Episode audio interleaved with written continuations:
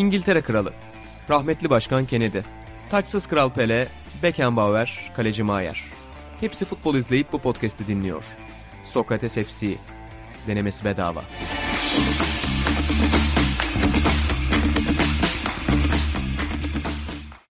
Sokrates FC'den herkese merhabalar. Yeni bölümümüze hoş geldiniz efendim. Ben İnan Özdemir, İlhan Özgen ve Burak Balaban'la birlikte bugün Avrupa futbolunun farklı köşelerine gideceğiz. Özellikle ada merkezli bir podcast olacak. Bir güncel bir de eski efsanenin izini süreceğiz. Bir emeklilik haberi bir de belgesel üzerinden. Öncelikle klasik reklamımızı yapalım. Geçen hafta ben yoktum. O yüzden de reklam sayısında azlık olmuştur ve güzel Aa, bir podcast unuttum. olmuştur. Atan da mutlu olmuştur. Ama 73. sayımız çıktı o yüzden de reklam yapabilirim burada. 73. sayımız aynı zamanda 6. yaş sayımız. 6. yaş sayımız diye değil ama sayılar üzerine, matematik üzerine, istatistik üzerine de bir sayı yaptığımız için denk gelmiş oldular ve öyle güzel bir hoşluk oldu efendim. Toprak sağ sevenler için sevgili İlhan Baba'nın Kamuran Yavuz röportajını tavsiye ederiz. Hem Eskişehir spor tarihi hem de Beşiktaş tarihi açısından iki farklı ekolün çok güzel bir muhasebesi var orada. Onun dışında sevgili Burak Balaban'ın da NBA Top Shot üzerine bir yazısı var. Yani NBA Top Shot ya da kripto para gündemi spora nasıl yansıdı, blockchain teknolojisi spora nasıl yansıdı diye düşünüyorsanız ki benim hala kafamın çok basmadığı bir alan ama basmasına uğraşıyorum. Buranın yazısı da yardımcı oldu. Ona bakabilirsiniz.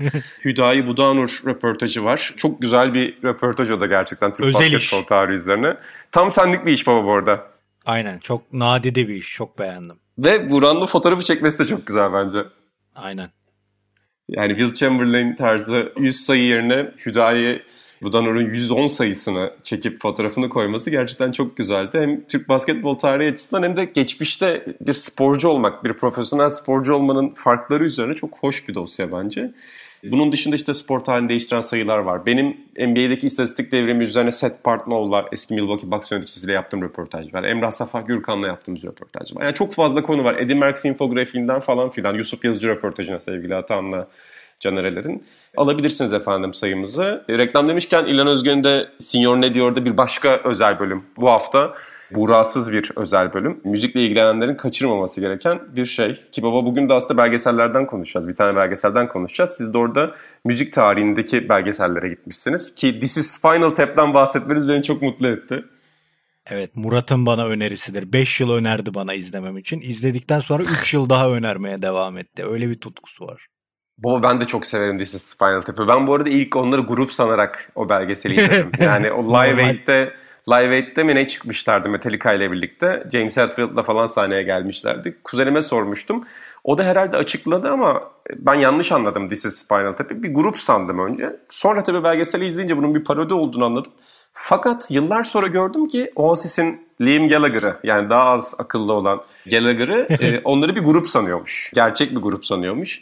Noel Gallagher da sürekli dalga geçiyor bu konuyla ilgili. Ama gerçekten de acayip güzel rock klişelerine özellikle rock'ın belli bir bölüm klişelere dalga geçen bir yapım. Hair metalcilerle. Aynen hair metalcilerle dalga geçen bir yapım. Derken biraz da gündemimize gelelim burada. İnan. Efendim baba. Bir şeyin altını çizmeden geçemeyeceğim.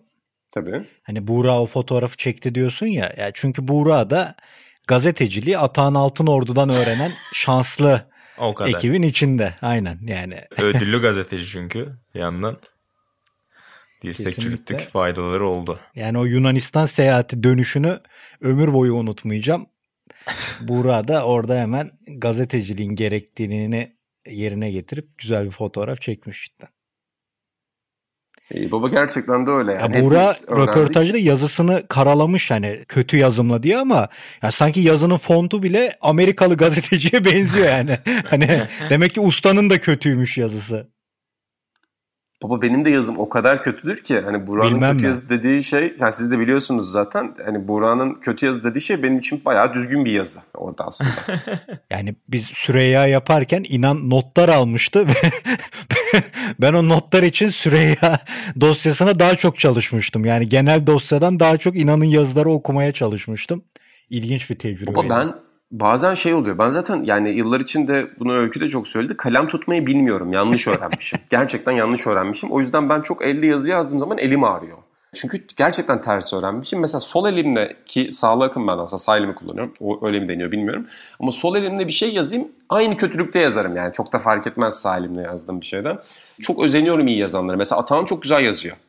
İnanılmaz. Yani öyle birkaç kişi var mesela yani çok çevremde de var. Bizim ailede de mesela herkesin inci gibi yazısı var ama eskiden bizde mesela güzel yazı dersi yoktu galiba. Ya da ben mi o dersi çok kötü aldım onu da bilmiyorum. Eskiden öyle bir çaba vardı ya insanlar güzel yazsın ilkokulda falan. Ben orada pek başarılı olamamışım.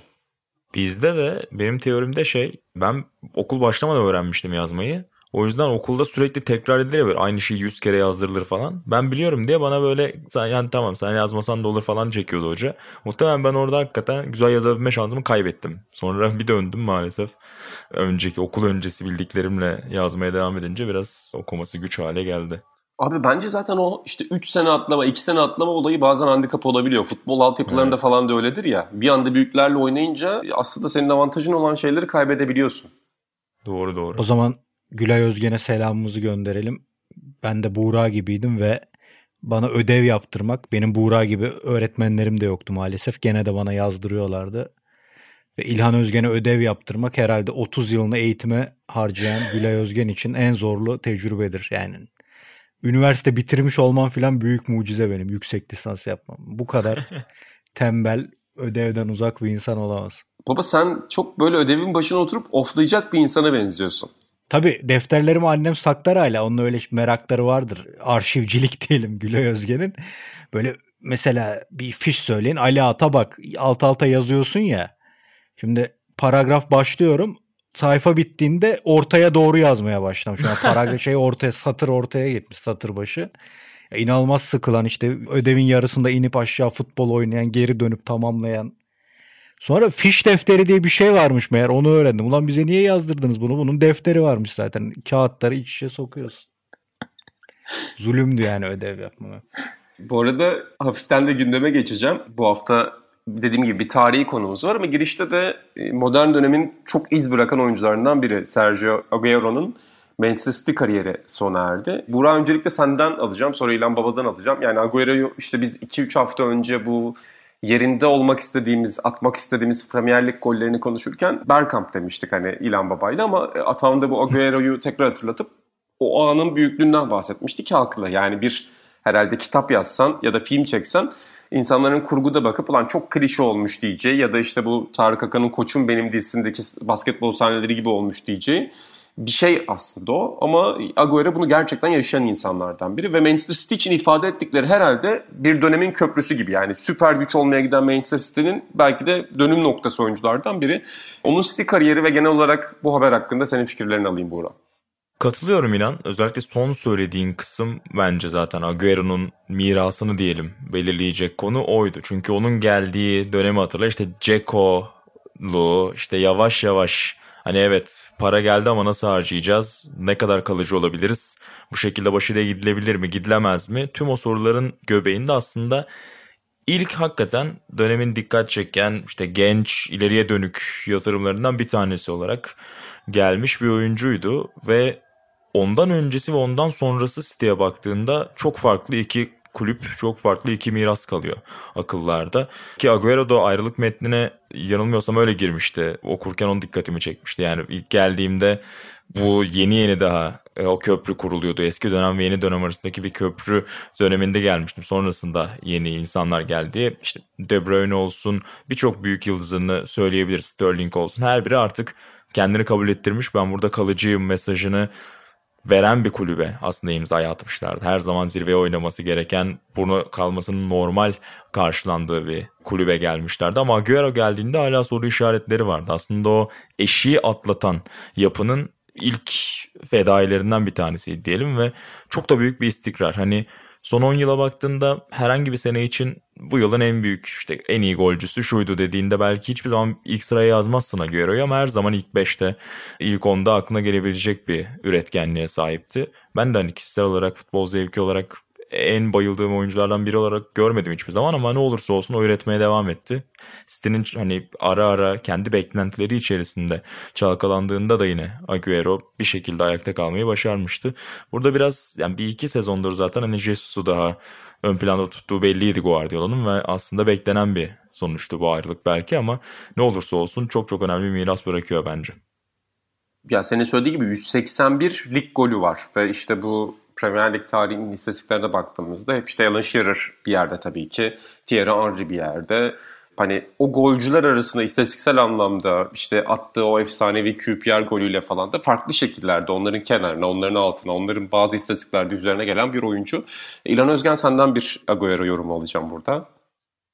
Ya evet bir yani lige yani Premier Lig ve Premier Lig'deki yabancılar Arjantinliler orada biraz önemli ya tarihinde de. Hani orada bir başlık açtığında yeri ayrı bir oyuncu.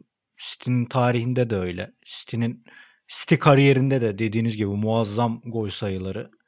Ama ben şeyde milli takımda Agüero'nun o City'deki ya da Atletico Madrid'deki Atletico Madrid'in nasıl bir forvet oltası varsa yani 2000'lerin başından itibaren ki 90'larda da fena değildi. Hep acayip oyuncular alıp sonra dünyaya açılmasını sağlamışlar. Hani Atletico ve City'deki Agüero'nun o hani güvenilir ayak her an takımı şeyden kurtarabilecek, uçurumun kenarından alabilecek oyuncunun Arjantin'de belki de Messi yani Messi'den onu beklediğimiz için ya da takımın da Messi'nin liderliğini beklediği için bir türlü Arjantin'de o Agüero olduğunu düşünmüyorum. Yani 2014 Dünya Kupası'nda misal hep biz Higuain'i eleştirdik. Ama yani baktığımızda Agüero'nun da yanlış hatırlamıyorsam hatırlıyorsam özür dilerim golü yoktu misal ki oynadı her maçta da hatırladığım kadarıyla. Hani milli takımda o City'deki Atletico Madrid'deki takımın kurtarıcısı Agüero oldu mu çok emin değilim. Yani gene bir ton gol atmıştır ama büyük turnuvalarda o acayip sahnelerde benim beklediğimi bana veremedi. Onun dışında zaten ben adam beğenmeyen yok balon balon minvalinde bir şeyler kimse diyemez yani. Dediğim gibi Premier Lig'e senin bahsettiğin üzere işte dönemlerin golcüleri vardır. Bu da bir döneme damga vurmuş hatırlanacak bir adam cidden. Bir de galiba stil olarak hani golcü tipinin değişimini de simgeliyor öyle değil mi? Yani işte 90'lardan itibaren Premier Lig'de de bakınca santrafor prototipinin hep bir gelişimi var. Yani Alan Shearer başka bir şeyi temsil ediyor. Thierry Henry başka bir şeyi. Wayne Rooney hatta başka bir şeyi. Andy Cole başka bir şeyi. Agüero da herhalde başka bir şeyi temsil ediyor. Pozisyon ve karakter anlamında, oyun stili anlamında. Tabii tabii ya işte tam aslında Latin tipi forvet oyuncusu baktığında. Hani santrafor tanımlamasının çok içinde değil. Tam manasıyla bir forvet oyuncusu aslında ama baktığında ceza sahası içinde de bir forvete göre daha bitirici geliyor bana sanki. Hani şeye 9 numara tarzında bir bitiriciliği var. O açıdan yani dediğim gibi İngiltere Ligi yani yıllar sonra biri Agüero sadece İngiltere Ligi'nde ve Atletico Madrid'deki maçlarını izlediğinde mest olmaması imkansız bir şey ama dediğim gibi o büyük Arjantin milli takımıyla bilmiyoruz o yani orayı eleştirirken oradaki durumu tam bilmiyoruz ya artık eskisi gibi şeye çıkmıyor bunlar. Gün yüzüne çıkmıyor mesela Maradona'nın 86'da 82'de neler yaşadığını o dönem gazetelerden öğrenebiliyorsun. Artık fazla kapalı olduğu için oralar Arjantin'in neler yaşadığını bilmiyoruz o turnuvalarda. Orada biraz ben Agüero'yu normal rolünden uzak görürüm. Sadece o yani bir eleştirim olacaksa ufacık orada olabilir. Söylediğin nokta önemli. Özellikle işte Messi tipi süperstarların artık dünyası çok kapalı olduğu için onun etrafının da kapalı olması gerekiyor. Yani yapacak da bir şey yok onlar için muhtemelen. Çünkü yaşamlarını normal bir şekilde sürdürmeleri imkansız artık. Herkesin onları bir saniyelik bir görüntü için bile taciz edebileceği bir noktada. Tabii ki eskiden de böyleydi ama şimdi biraz daha bu tip süperstarların olduğu takımlar çok daha kapalı oldu. Yani son yıllarda işte bu kameralar giriyor, City belgeseli çekiyor, Tottenham belgeseli çekiyor, işte Formula 1 belgeseli çekiyor ama orada bile hep mesajı kontrol eden birileri var. Yani asla ham bir görüntü ya da gerçekten organik bir an yakalayıp yakalamadığını bilmiyorsun. Yani Maradona belgeselini izliyorsun. 50 bin tane ham görüntü var saçma sapan bir şekilde. Kimse filtrelememiş. Saçma sapan şeyler, hiç girmemesi gereken şeyler konunun içine giriyor. Ya da Deniz Radman'a bakıyorsun Last Dance'te. E, acayip acayip görüntüler var normal sezon devam ederken. Garip bir değişim var o anlamda da söylediğin gibi. O belgesellerle ilgili de ufak bir parantez açacaksak inan orada da mesela kontrolün kimde olduğu önemli. Hani biraz böyle daha içeriden şeyler öğrenebildiğin işte mesela Drive to Survive Formula 1 belgeseli neden bu kadar insanları çekti? Çünkü hakikaten sporcularla ilgili çok farklı yönleri insanlar tanıdı. Çünkü orada kontrol yönetimin yani lig yönetiminin değil Formula 1 organizatörlerinin elinde olduğu için orada hani oyuncuların bireysel olarak çok ekstra bir altın makası yok. Ama Last Dance'i izlediğinde mesela Radman'la ilgili olanları görebiliyorsun. Çünkü Jordan'la ilgili olanları göremiyorsun. Orada makasın kimde olduğu belli. Biraz işte City'de de öyle. City'de de tabii ki işte Guardiola'nın kötü görüneceği ya da onun istemeyeceği şeylerin yayınlanmayacağını az çok tahmin edebiliyorsun. Biraz o taraftan da bakmak lazım sanki. Hani biraz farklı bir konuya geçtim ama. Yok kesinlikle öyle. Orada bile yani Guardiola sinirleniyor ama yani sinirlendiği kısımlar bile işte takıma çok meşhur bağırdı, soyunma odasına girdi, işte kime birine azarlıyordu orada ya. Hmm. Sit down nobody talks diye bağırıyordu böyle soyunma odasına girdikten sonra. Zaten inanılmaz İngilizce cümleler var bazı yerlerde. Yani sinirlendiğinde falan yani grameri falan kesip biçiyor Guardiola ki normalde çok İngilizce konuşan biri. Haklı olarak sinirlendiğinde umrunda olmuyor anda. Oyuncular İngilizce ağzına geleni arka arkaya söylüyor. Senin söylediğin gibi kontrol çok önemli. Bir de tabii ürünü ne kadar tanıtacağın çok önemli. Sonuçta Michael Jordan'ın hikayesi zaten bilinen bir hikaye. Onun farklı yönlerine odaklanabiliyorsun. Ama işte Formula 1'de Amerikalılar Formula 1'i aldıktan sonra dünyaya özellikle de Amerika tarafına biraz daha bu insanları basic düzeyde göstermeye çalışıyorlar. Orada farklı bir yapıyı görüyorsun. Ki orada bile işte vasıtalarda da konuşuluyor dönemler ama hani kurguda mesela cinlikler yapıyorlar. Yani o yarışta olmayan bir telsiz konuşmasını, Tabii. o bölümde olmayan bir şey sonradan ekliyorlar. Bir spiker cümlesi ekliyorlar dramatizasyonu arttırmak için. Çünkü Amerikalıların kurgu ve hikaye için yapmayacağı şey yoktur. İlhan Özgen de hep söyler. Gerekirse spor anı yaratırlar bunun için. Ee, onu alırlar. Ülkede herkesin özel bir senaristi var. O senaryoyu zaten oynuyor bütün ülke yani. Truman Show. Aynen. Şeylerde bile öyledir ya late night show'larda star çıkar bir tane albüm hazırlanır. Ulan nasıl konuşuyor bu böyle dersin. Hakikaten öyle konuşuyorlar. Bu arada şey demişken, belgesel demişken esas konumuza da ben geçmek istiyorum burada. Agüero'dan açtık işte onun Premier Lig'deki yerinden açtık ama ada futbol tarihinin en ilginç isimlerinden Jack Charlton üzerine bir belgesel çıktı. Finding Jack Charlton diye ki geçen hafta da bir seyircimiz bize atmış. Yani izlenebiliyor artık çeşitli ortamlardan diye. Ki hakikaten merak edenlerin internette bulabileceği bir belgesel. Ki bu belgeselle ilgili de İlhan Özgen'in şöyle bir mesajını aldım ben. Ne iş yapıyorsan bırak bu belgeseli izle demişti bana. Çünkü hani bunun bir sadece bir İngiliz futbol belgeseli olmadı. Başka bir şey olduğu düşüncesiyle bunu söyledin öyle değil mi İlhan Özgen? Yani senden öncelikle bir genel yorum alayım ben. Jack Charlton belgeseli neden önemli? Yani insan olarak Jack Charlton neden önemli ve belgesel sence giriş seviyesi anlamında neyi farklı yapıyor? Ya 2020'nin kışı filandı galiba bu İtalya 90 ile ilgili acayip bir tweet hesabı var. Cults diye. Bahsetmiştik programda. Bana bir mesaj atmıştı bir konuyla ilgili. Serpil Hamdi Tüzün'le ilgili. Ben de belgeselden filan bizim bahsedince o belge bizim kolej havasını benden istedi. Ben de Sertan abiyi aramıştım bu vesileyle yönetmenimizi. Sertan abi de bana ya konuşurken laf lafı açtı tabii. Ya dedi Raps'ını çeken ekip dedi Jack Charlton'ın belgeselini çekiyormuş dedi yakında vizyona filan girer haberin olsun. Şimdi ben bunu insanlara kızarım böyle durumlarda ama ben de bu eşekliği yapmışım. Ben Sertan abinin dediğini aldım ve unuttum. Ama bu arada bir programda da bahsetmişiz bundan. Takipçilerimizden Sedat Hacı Kerimoğlu sağ olsun bana bir mesaj attı. Abi Jack Charlton'ı izledim cidden harikaymış diye o zaman hatırladım. Aa ulan böyle bir belgesel vardı cidden diye yayına girmiş hatta internete de düşmüş filan. Ben de hemen sağ olsun Sedat beni uyandırınca oturdum izledim. Ve ilk işim de sana ve Buğra'ya mesaj atmak oldu cidden. Hani Jack Charlton şimdi o meşhur e, artık herkesin Dem United'dan bildiği Leeds United'ın parçalarından biri. 66 Dünya Kupası'nı kazanan İngiltere'nin stoperlerinden biri. Futbolculuğunda önemli işleri var eyvallah ama daha da önemlisi antrenörlüğünde adanın İskoçya ve İngiltere'nin gölgesinde kalmış bir diğer futbol ülkesi olan İrlanda'nın milli takımını acayip yerlere getiren yani acayip yerler dediğimizde İrlanda tarihi boyunca önemli turnuvalara katılamıyor. Bu adamcağız da işte Dünya Kupalarına ve Avrupa Şampiyonası'na İrlanda'yı sokup orada gruplardan çıkma hatta yani çeyrek final oynama başarısını falan gösteriyor. Belgeselde zaten Jack Charlton'un futbolculuğundan çok İrlanda için yaptıklarını ve aramızdan ayrılmasına sebep olan hastalığını ve o hastalığın insanlık için nedenli sıkıntılı bir şey olduğunu resmen bize gösteriyor. Yani hani bir yakınımız onu yaşıyormuş gibi neredeyse hissediyoruz. Hani Jack Charlton'ın böyle bir sorunu vardı ve bu yüzden şu tarihte aramızdan ayrıldı diye kestirip atmamışlar. O acımasız unutkanlığı birçok kez yüzümüze vurmuşlar. Benim de Allah korusun çok korktuğum, çok çekindiğim rahatsızlıklardan biridir. Çok da eski futbolcu abilerimizden bizzat gördüğüm durumlar da olmuştur. O açıdan çok etkileyici, çok vurucu bir belgesel olmuş. Aşırı beğendim. Yani Raps'ın belgeselleri güzeldi ama yani Raps'ın naçizane benim birçok bildiğim şeyi anlatıyordu bana. Ama Jack Charlton'ın biz hastalığında neler yaşadığını bilemezdik ailesi olmadığımız sürece. Bu sefer o kadar içine sokmuş Gabriel Clark'la Pete Thomas. Hakikaten etkileyici yani. Burak sen nasıl buldun? Ben de senin gibi İlhan'ın ateşli mesajıyla diyeyim hakikaten çok böyle belgesel öven mesajıyla tekrar hatırlamıştım. Ben de hiç hatırlamıyordum açıkçası konuştuğumuzu. Bugün zaten kayıttan önce izledim. iki haftadır biraz erteliyordum.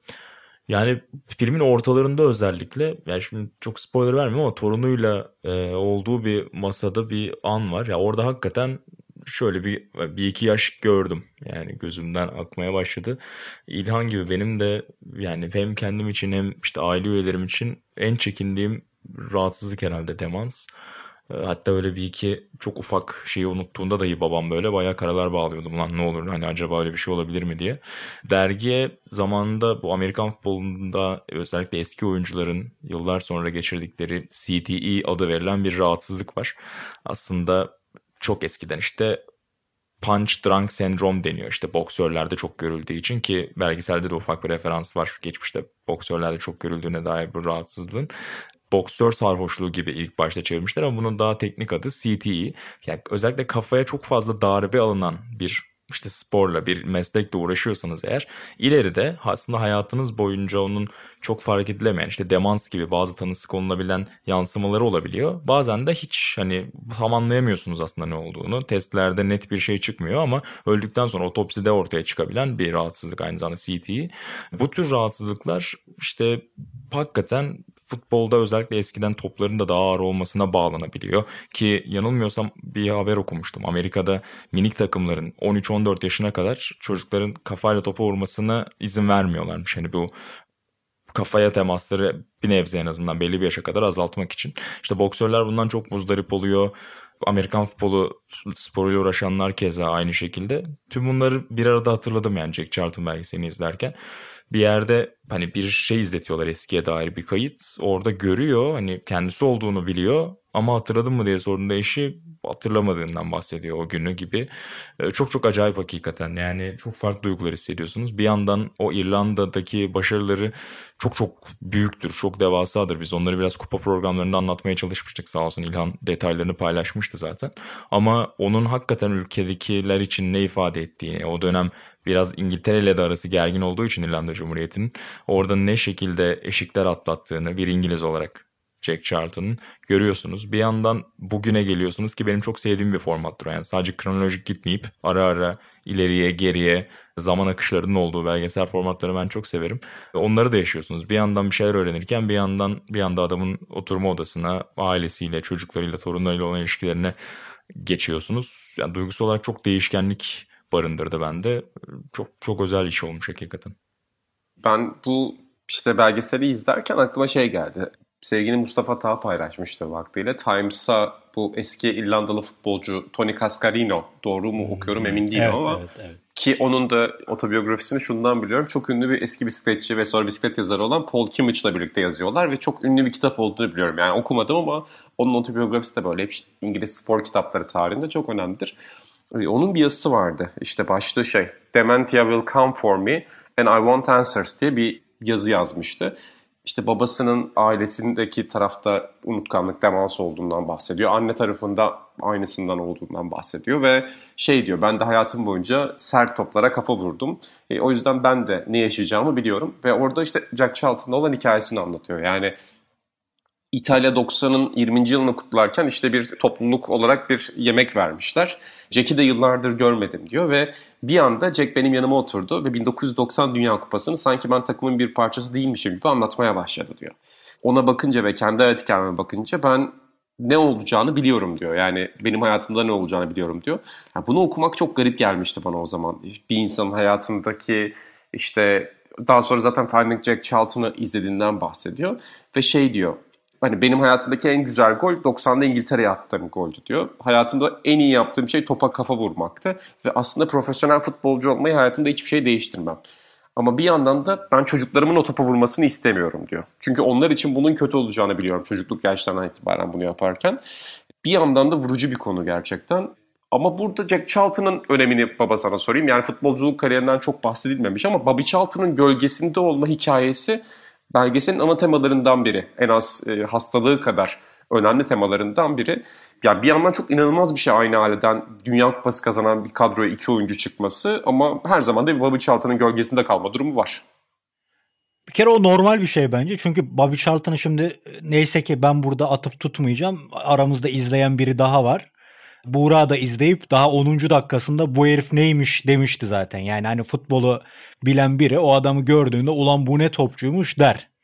Hakikaten çok çağının ötesinde çok özel bir oyuncu Bobby Charlton. Onu bir kenara koyalım ama belgeselin bence işlenişinde şöyle bir zorluk var. Belgeselde 3 tane konu var bence. Bir Jack Charlton hastalığı, İrlanda, İrlanda'nın siyasi, politik, sosyolojik durumu ve Jack Charlton'la birlikte nerelere doğru evrildiği yani bunu YouTube'un elemanı dahil birçok insandan dinlemeye başlıyorsunuz. Bir yandan da abi kardeş ilişkisini izliyorsunuz. Yani üç başlığı da muhteşem birleştirmiş bence yönetmenler burada. Yani o açıdan ben kurguyu çok beğendim. Yani dağılmıyorsun. Hani biz ne ara ulan baba ne oldu biz ne ara Babiç altına geldik demiyorsun. Ha belki ben biraz bildiğim için bu durumları dağılmıyorum ama yani ama genel naçizane bu işlere biraz kafa yoran bir insan olarak çok değerli toplu buldum. Çok güzel işlenmiş. Yani Bobby Charlton'ın gölgesinde kalması normal ama izleyince anlayacaklar o ilişkinin kopukluğu anormal. Ki Bobby Charlton da misal aynı hastalıktan müzdaripti. Ben o ilişki beni çok sarstı yani. Yani birbirinden neredeyse o şu böyle hani bizde olur ya nineler dedeler ona söyle şuna söyle. Hani o derece kopmuş iki insan. O biraz vurucuydu benim için de. Ve hayatı boyunca aldığı notlarda da hep yazıyor ya yani Bobby benim sorumluluğumdaydı. Ben ona bakmak zorundaydım ve hani benim hayatımı zorlaştırdı. Bütün teması Jack Charlton hayatında olmuş. Yani Bobby Charlton'ın muhtemelen o star ışığı, yeteneği ama aynı zamanda karakteri Jack Charlton'ın hem gölgede kalmasına sebep oluyor hem de ekstra sorumluluk kalmasına sebep oluyor hayatta. Ve aynı yeteneğe sahip olmamanın muhtemelen verdiği bir şey de var ki olur çok normal. Yani insanın kardeşi olsa bile o kadar iyi mesleği senden iyi yapan birini görmek her zaman çok iyi bir şey değildir muhtemelen. yani o yetenek konusunda gölgede kalma benim ses edemeyeceğim bir şey. Çok fazla fazla bir şey öbürü çünkü dönemine göre. Peki burada sen ikinci konudan bahsettin. Şimdi dediğin gibi yani hakikaten İngiltere kariyeri şu bu çok tartışılmıyor. İngiliz futbolu çok nadir bir şekilde aralarda geçiyor ama İrlanda futbolunun aslında yeri nedir İngiltere tarihi içerisinde? Yani İngiltere futbol külliyatı, ada futbol külliyatı diyeyim daha doğru ifadeyle. E, onun içerisinde İrlanda futbolunun nasıl bir izi var geçmişten bugüne?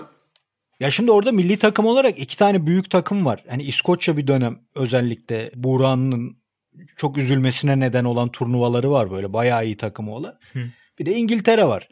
Oradaki Galli İrlandalı ya da Kuzey İrlandalı oyuncular genelde İngiltere'de kulüpleri taşıyan oyuncular oluyor. Yani milli takımda topluluk olarak çok bir şey başaramıyorlar uzun yıllar. İşte Kuzey İrlanda 80'lerde bunu yapıyor. Ondan önce İskoçya'nın 70'lerde baya bence Dünya Kupası alabilecek seviyede takımları falan var. İrlanda hiçbir zaman o seviyeye gelmiyor ama baktığında Steve Highway gibi, Johnny Giles gibi yani Leeds United'ın, Liverpool'un çok çok önemli oyuncular olabilecek İrlandalı oyuncular da yetiştiriyorlar bir yandan. Ama bunları bir araya toplayıp bir sonuç yaratmada, bir ekol yaratmada, bir turnuva takımı yaratmada Jack Charlton'ın rolü büyük oluyor. Ve şeyleri de var. İşte İrlanda dışında doğup İrlanda vatandaşı olan oyuncuları milli takıma davet etme gibi böyle devrimsel kararlar da alıyor. Bunlara baktığında yani bireysel olarak dünya futboluna ya da ada futboluna çok şey katmış ama milli takım olarak bir işe yaramayan bir ülkeyi de 88 euroya sokuyor. 86'da takımın başına geliyor. İtalya 90'a sokuyor. Euro 92'ye götürüyor.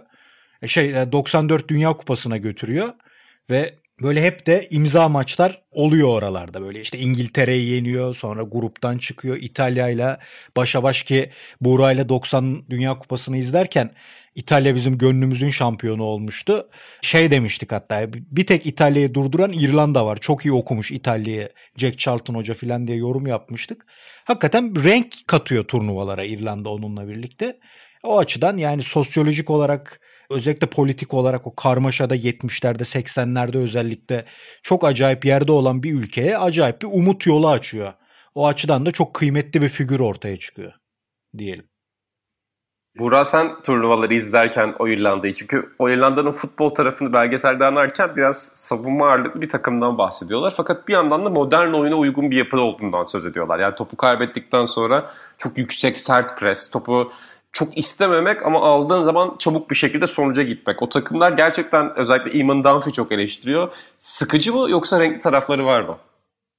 Ya o eleştiriler biraz ağır geliyor bana açıkçası yani maçları da izledikten sonra. Çünkü o dönemki diğer takımlarla kıyaslamak lazım tabii ki. Yani şu an işte farklı şeyler bekleyen insanlar olabilir ki yani bugün bile zaten aslında çok daha fazla kapanan, çok daha yememe üzerine odaklı bu takım mentalitesi görüyoruz. İrlanda'da aslında tam olarak öyle değil ki özellikle ilk bölümde işte kendi futbola bakışını mantalitesini anlatması istendi daha ilk göreve geldiği kısmı anlatılırken belgeselde. Kendisi de biraz ondan bahsediyor yani tüm dünya benzer bir şey oynuyordu. İşte uzun toplar atılıyordunun yerine doğrudan işte şişirmek, forvetlere topu yollamak yerine biraz daha işte beklerin arkasındaki boşlukları kullanma üzerine daha farklı özel hedeflerle öğrencilerini hazırladığına dair bilgiler var.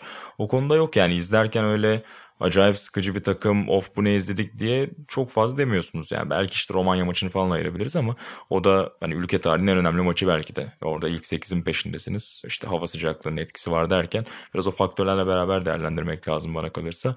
O yüzden öyle çok sıkıcı diye niteleyemeyeceğim İrlanda maçlarını izlerken yaptığım yorumları hatırlayınca yani gerçekten de o Romanya maçını gördüm ki penaltılar, o penaltı son penaltı, o Larry'nin penaltısı ha. özellikle çok geniş yer ayırmışlar. Çok da güzel bir montaj yapmışlar orada. Biraz fazla dramatize etmişler Amerikalılar gibi ama güzel bir şarkıyla dramatize etmişler ve çok güzel bir an. Ama şey şey diyesi geliyor insanın. Ulan sanki hani Yıllar boyunca bütün turnuvaları oyun olarak domine ettik de burada savunma futbol oynadık. Ulan işte Romanya ile oynuyorsun. Sonuç almak istiyorsun. Sonuç alırsın. Çeyrek finalde çünkü yani evet her zaman iyi oynayan takımları desteklemek isteriz ama yani futbol tarihine baktığında da Dünya Kupası da Avrupa Şampiyonası da yarı finale gittim demek çok güzel bir şeydir. Nasıl futbol oynarsan oyna. Çok iyi futbol oynayıp ilk turda elenmek de eminim onurlu bir şeydir ama bir kere de kötü futbol oyna çeyrek finale git. O da güzel bir şey yani. Mesela o İtalya maçından bahsetti İlhan ki işte belgeselde de biraz değiniliyor. Orada mesela şunu görüyorsun hani işte Mourinho ile çok özdeşleşen ceza sahasında otobüs gibi değil. İtalya'nın iyi yaptığı şeyin aslında Baggio'nun işte ileride Skilacci ile orada bir bağlantı oyununu çok iyi yapması ve o geçişi Baggio üzerinden sağladıklarında Baggio'nun topu biraz daha geriden alıp topla beraber o işte 1'e 2'lere girişi, hücumu hazırlayışı anlarında çok tehlikeli hale geldiğini görmüş İtalya'nın. Ve o yüzden Baggio'nun o topu ilk almasını engelleme üzerine işte McRae'yi de zaten e, bol bol anlatıyor belgesel ona odaklanmışlar mesela. Sadece bir kere kaçırıyorlar. Orada da zaten işte Skilac çok saçma sapan bir gol atıyor. Yani o olmasa hakikaten maçın genelinde inanılmaz tıkanmış bir İtalya görüyorsun mesela. Yani o tür böyle nasıl söyleyeyim İtalya kontekstiyle bağlamıyla beraber de düşündüğünde mesela hakikaten çok daha iyice bir iş aslında. Orada yaptığı konu. Böyle böyle notları var hani o takımın çok takdire şayan anabileceğimiz. E, İlhan Özgen sen nasıl bakıyorsun? Hatırladığım Hatırladığımız şeylerden yani buyur inancım. Sen nasıl bakıyorsun o taktik stratejiye? Hatırladığım şeylerden bir dedin. Onun devamını da alayım. Ya çok övmüştük ya o turnuva şeyde. Ben izlerken de övdük hatırlıyorum. Ben zaten severim İrlanda'yı da. Jack Charlton'da Buğra ile izlerken çünkü Buğra bana yeni bakış açıları getiriyor. Çok takdir etmiştik. Şunu da ekleyeyim. Misal İtalya'da Baggio ve forvet bağlantısı dedik. Diğer bağlantılar Baresi, Giannini, Giannini, Baggio ya da Skilacci, Donadoni bağlantılar genelde böyle oluyor. Yani beyinler bu adamlar. Mesela Baresi'nin çıkışlarını çok iyi engelliyor. Giannini'nin o kısa paslarla onun takımı yerleştirmesi vardır. Tak tak tak tak oynar yavaş yavaş böyle. Mesela o, bütün o İtalya'nın opsiyonlarını çok iyi yani çok iyi bir taktik mücadeleydi. O açıdan ben İtalya 90'ı özellikle şeye 94'e bir şey demiyorum. 94 yani toptan zaten sıkıcı. Onların grubu falan da rezil bir gruptu. Meksika, İtalya, hmm. İtalya da. Yani 90 ve 88'de bence hiç de kötü bir iş yapmadılar yani. Ama 90'da elendikleri İtalya maçı. Ya Romanya'yı da az önce güzel dedin. Abi Romanya 86 ile 90 arası bir Avrupa şampiyonu bir Avrupa finalisti takım çıkarmış ülke neticede. Hani o Romanya'yı da ezemezsin ki sen de İrlanda'sın en nihayetinde ne oynayacaksın? Elbette Romanya'yı uyutmaya oynayacaksın. E, aynen öyle az şey... önce yetenekten konuştuk. O Romanya'da da yani saf yetenek diyebileceğimiz kaç tane oyuncu var muhtemelen. Ya bir kere Hacı diye bir varlık var yani. Hani bütün İrlanda'yı toplasan herifin sol ayağı etmezler yani. Gerçekten de öyle. Zaten Jack Hoca da biraz sinirleniyor. Kimse bize bu aşamada bizden iyi futbol beklemesin diyor. Medya ile bir geriliyor. Hoca zaten biraz fevri o konularda. Orada Paul Makra dedi Buğra. İlan Özgen sana özellikle onu soracağım. Belgeselde çok odaklanılan bir oyuncu. İşte özellikle o meşhur bir maçına çok odaklanıyorlar. İtalya maçıydı değil mi savunma performansını çok övüldü. Gerçekten çok etkili bir oyuncu mu o dönem peki? yani çok sevdiğim İrlandalı oyuncular içinde 11'e de almıştım. Ben çocukken o Aston Villa'da oynardı. Hatta bu Trabzonspor'un elediği Aston Villa'da da vardı. O zamanlar savunma oyuncusuydu iyice ama onun sonra ben 80'lerin United'ını izledim. O zaman orta saha gibi de oynuyor. Çok özel oyuncuydu ama bir alkol sorunu vardı. Bu da düşün daha 90'larda bilinen bir şeydi. Yani o zaman böyle bir oyuncunun alkolik olduğunu falan bilmen zordu. Öyle sorunlu bir oyuncuydu. Bir yandan belgeselin bir alt başlığı da aslında Jack Charlton'la arasındaki o bağ. Özellikle bir otel odasında bir muhabbet var çok anlatmayalım. Ve beni en çok duygulandıran şey de hiçbir şey hatırlamayan adamın ben onu canlı da yaşadığım için birkaç kez bilgisayarda kumsalda yürüyen Paul McGrath'ı görüp Paul McGrath demesi çok can yakıyor yani. O öyle şeyler üzücü. Yani o Paul McGrath'ın onda ne kadar izi olduğunu, onda ne kadar iz bıraktığını orada da bir kez daha görüyorsun. Kesinlikle bir detay yani detayı verdik ama senin dediğin gibi YouTube kısmı da çok ilginç belgeselin. Hani senin YouTube'u sevmediğini biliyorum ama ben YouTube'u severim. Aynen. Görmek hoşuma gitti. Mesela şey de çok e, geçenlerde aradım bulamadım. YouTube'un 80'ler konserleri falan çok ilginçtir. İşte ilk zaten 80'lerde çıkardıkları albümler işte Joshua Tree albümü de çok övülür ama Joshua Tree ve Aktung Baby öncesinde işte çok global bir rock grubu olmadan önceki albümleri çok ilginç şeyler barındırıyor bence. Hani müzik müzik anlamında çok detaylı yorum yapamayacağım tabii ki ama çok ilginç albümler olduğunu düşünüyorum onların. Ama en önemlisi o dönem böyle işte Dublin'deki falan bazı konserlerinin kaydını görüyorum. Yani konser falan değil, savaş gibi bir atmosfer var orada. Yani bir futbol maçı, bir savaş gibi. Gerçekten ülke olarak onların o dönem ifade ettikleri, sonra işte futbolun ülkeyi ifade ettiği şey, e, onların özellikle Larry Mullen Jr.'dan dinlenmesi yani bateristten dinlenmesi ilginç geliyor bana. YouTube'un evet en yakışıklı üyesi böyle baktığımızda hala çok yakışıklı bir adam zaten ama en öne çıkan üyesi de değil yani müzik yeteneği olarak işte bir karakter olarak falan çok geri planda kalan bir adam. Onunla konuşmaları ilginç. Zaten Bono'dan randevu alamamışlardır muhtemelen. o yüzden de Larry Mullen Jr.'la bu işi çözmeleri çok iyi olmuş. O bağlantı da hoşuma gitti benim belgesel içerisinde. E, Burak sen bir parantez açmıştın. Onu da tekrar dönmek isterim. Ben bu CT Amerikan futbolu şeyini açmıştım. Hmm. Yani gerçekten de hala Amerikan futbolunda çok tartışılan konulardan biri. NBA'de çok tartışılan konulardan biri. Ama sanki spor dünyası ilgilenir gibi yapıp bu konuyla biraz yine kendini geri çekti. Yani işte bu kafa sarsıntılarına biz çok önem veriyoruz dendikten sonra bu sene NFL playofflarında da gördük. NBA playofflarında da görüyoruz. Yani normal sezonda çok dikkatli oluyorlar ama mesela kompetitif bir anda bir final maçıysa, bir yarı final maçıysa o oyuncunun geçirdiği kafa sarsıntısını çok da önemsememeye çalışıyor kulüpler ya da bir şekilde halletmeye çalışıyorlar. Sanki hani sadece Amerikan futbolu, basketbol değil, kolektif olarak bütün sporların çok daha fazla önem vermesi gereken bir konu. Evet yani futbol bile şöyle bir düşünelim. Herhalde son 5-6 sene içerisindeydi değil mi? Yani kafada olası bir sakatlık geçildiğinde hakeme durdurma emrinin diyelim gitti. Yani bir kafa darbesi, bir çarpışma olduğunda hemen oyunu durdur. Hani topun dışarı çıkmasını bekleme gibi. O bile daha 5-6 yıl önce aslında kurallara dahil olmuş bir şey. Ya basketbol örneği dedin. Orada da işte mümkün mertebe oyuna dönmesine izin vermemeye çalışıyorlar ama bir protokol takip ediyor NBA'dekiler özellikle. Ama hani basketbolu biraz daha hani her maçta başına gelen bir şey değil aslında baktığında. Çoğu zaman işte var ender en azından ciddi darbeleri görüyorsun. Pot altında bir yerde işte bloğa çıkmış bir önce çarpıyorsun ne diyorsun ama Amerikan futbolu dediğinde ya da boks dediğinde tamamen merkezinde zaten. Yani ne kadar makyaj, makyajlarsan makyajla ki NFL bu çalışmalar ilk başladığında 2000'li yılların başında aslında bunun böyle olmadığına dair çok fazla işte sağlık kurumuyla araştırma fonlayıp aksi yönde raporlar hazırlatıp inanılmaz bir aslında nasıl söyleyelim bir hasır altı etme savaşı veriyor aslında gizliden gizliye. Sonrasında bunun savunamayacak bir noktaya geldiğini görüyoruz. İşte 2010'ların başında yapılan bir araştırma var Boston Üniversitesi'nde yanılmıyorsam. 110 bir eski işte sporcunun öldükten sonraki işte otopside çıkan bir rahatsızlık demiştim CTE için. Bakıyorlar 110'unun sebebinin aslında CTE olduğu ortaya çıkıyor. Yani tabii ki o araştırmaya girmesini isteyen aileler elbette bazı şeylerden belki şüphelendikleri için sonuçta kabul ediyorlar o şeye girmesini. O yüzden hani biraz oranların nasıl söyleyeyim biased olduğunu biraz daha bağlantılı olduğunu düşünebiliriz ama 111'de 110 akıl almaz bir oran. Yani %50'ler 60'lardan bahsetmiyoruz. Bu yüzden de dediğin gibi o her geçen yıl çok daha fazla konuşulacak bir konu bence ki işte özellikle çocuk yaşta sporlarla uğraşanların işte futbolla örneğin o kafa darbelerinden en azından belli yaşa kadar 13-14 yaşına kadar çocukları sakınma konusu bence bir normal haline alabilir önümüzdeki 10 yıllık 20 yıllık süreçte.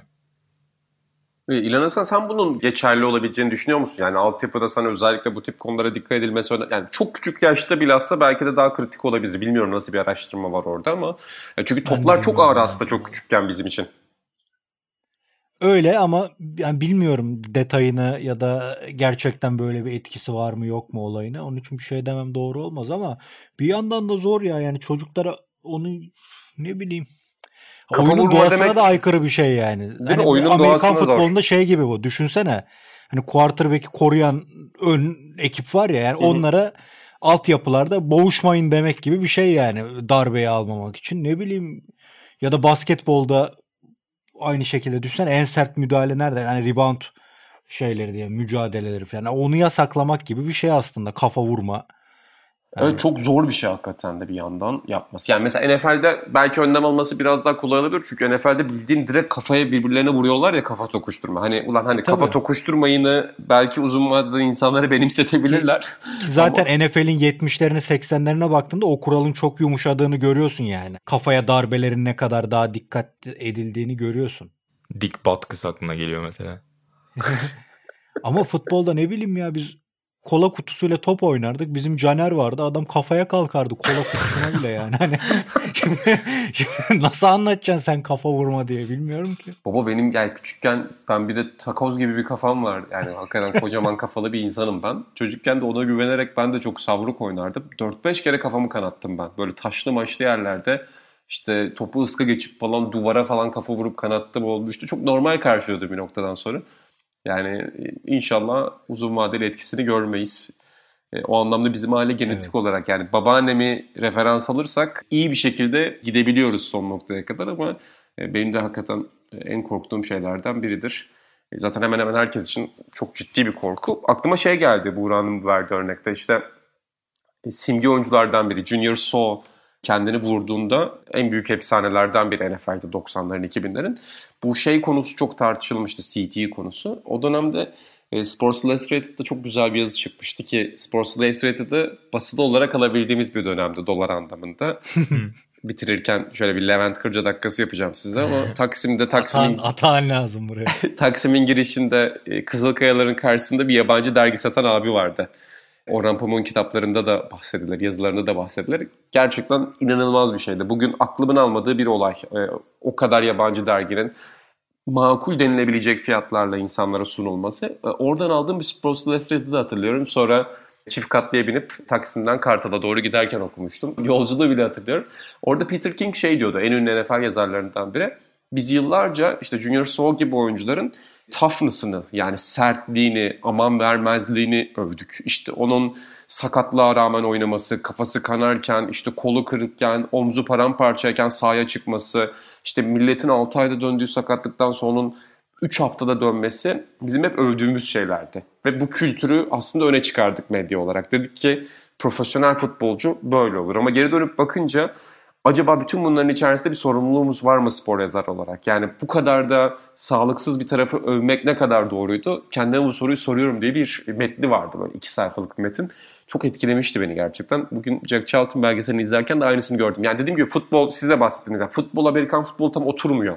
Basketbol, Amerikan futbolu da tam oturmuyor ama genel olarak sporda son 10 yılın en çok tartışılan konularından biri bu. Şimdi İngiltere bunu tartışıyor. Jack Charlton üzerinden. Bobby Charlton da aynı hastalıktan muzdarip şu anda.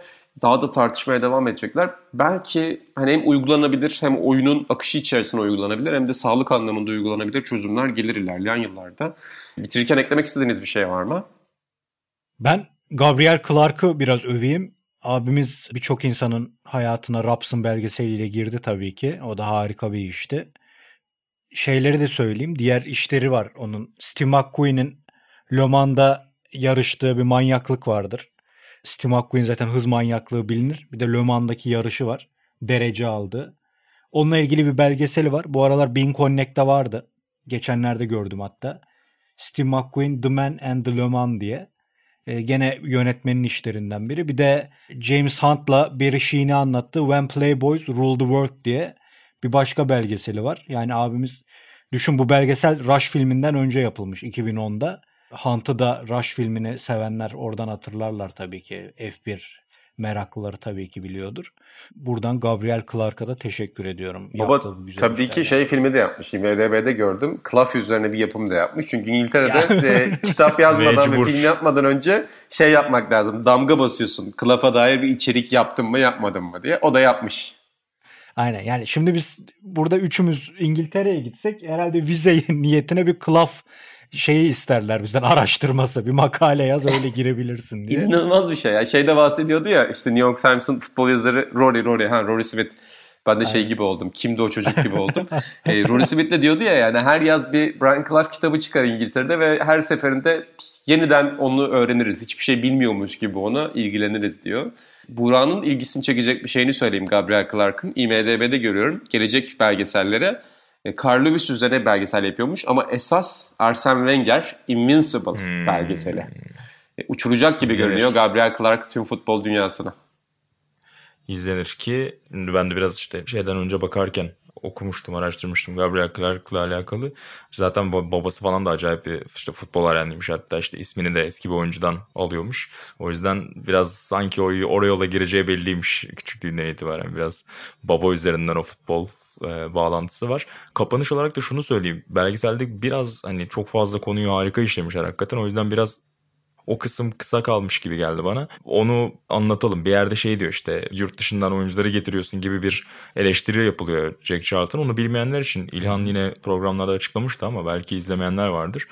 Yani o dönem işte farklı ülkelerde oynayan ya da işte İrlanda asıllı ama aslında işte İrlanda'da hayatına devam etmeyen birkaç tane oyuncuyu da milli takıma kazandırıp ki o zaman milliyetçiliğin tamamen zirve yaptığı işte özellikle İngiltere'ye karşı pür İrlanda'yı savundukları dönemde hani o kırılmayı yaratması, o eleştirilere rağmen ayakta kalıp hani ülke tarihinin önemli başarını yakalaması derken o kısım da hakikaten çok imzalarından bir tanesi Jack Charlton'ın kariyerindeki. Onu da kapatırken alalım. İşte inanın bahsettiği Tony Cascarini o oyunculardan Gibi. biri aslında yanlışım yoksa İngiltere doğumludur o. Ama işte şey İrlanda milli takımında yer buluyor. Aynen öyle. Çok teşekkür ediyorum size. Agüero ile başladık. Jack Charlton'la bitirdik. Arada Formula 1'e sıkça gittik. Güzel bir sohbette. Yeni sayımızın da reklamını yaptık zaten. Bizi podcast'te Sokrates FC feedinde takip etmeyi, arkadaşlarınıza önermeyi unutmayın efendim. Apple'da, Spotify'da, SoundCloud'da her yerde dinleyebilirsiniz. Dergimizi dükkan.sokratesdergi.com'dan alabilirsiniz. YouTube kanalında futbol tarihine meraklıysanız zaten biliyorsunuzdur. Sevgili İlhan Özgen ve Burak Balaba'nın Senior Ne Diyor programını kaçırmayın zaten. Deyip programımızı kapatalım. Yeni Sokrates FC'lerde görüşmek üzere diyelim efendim. Hoşçakalın. Hoşçakalın.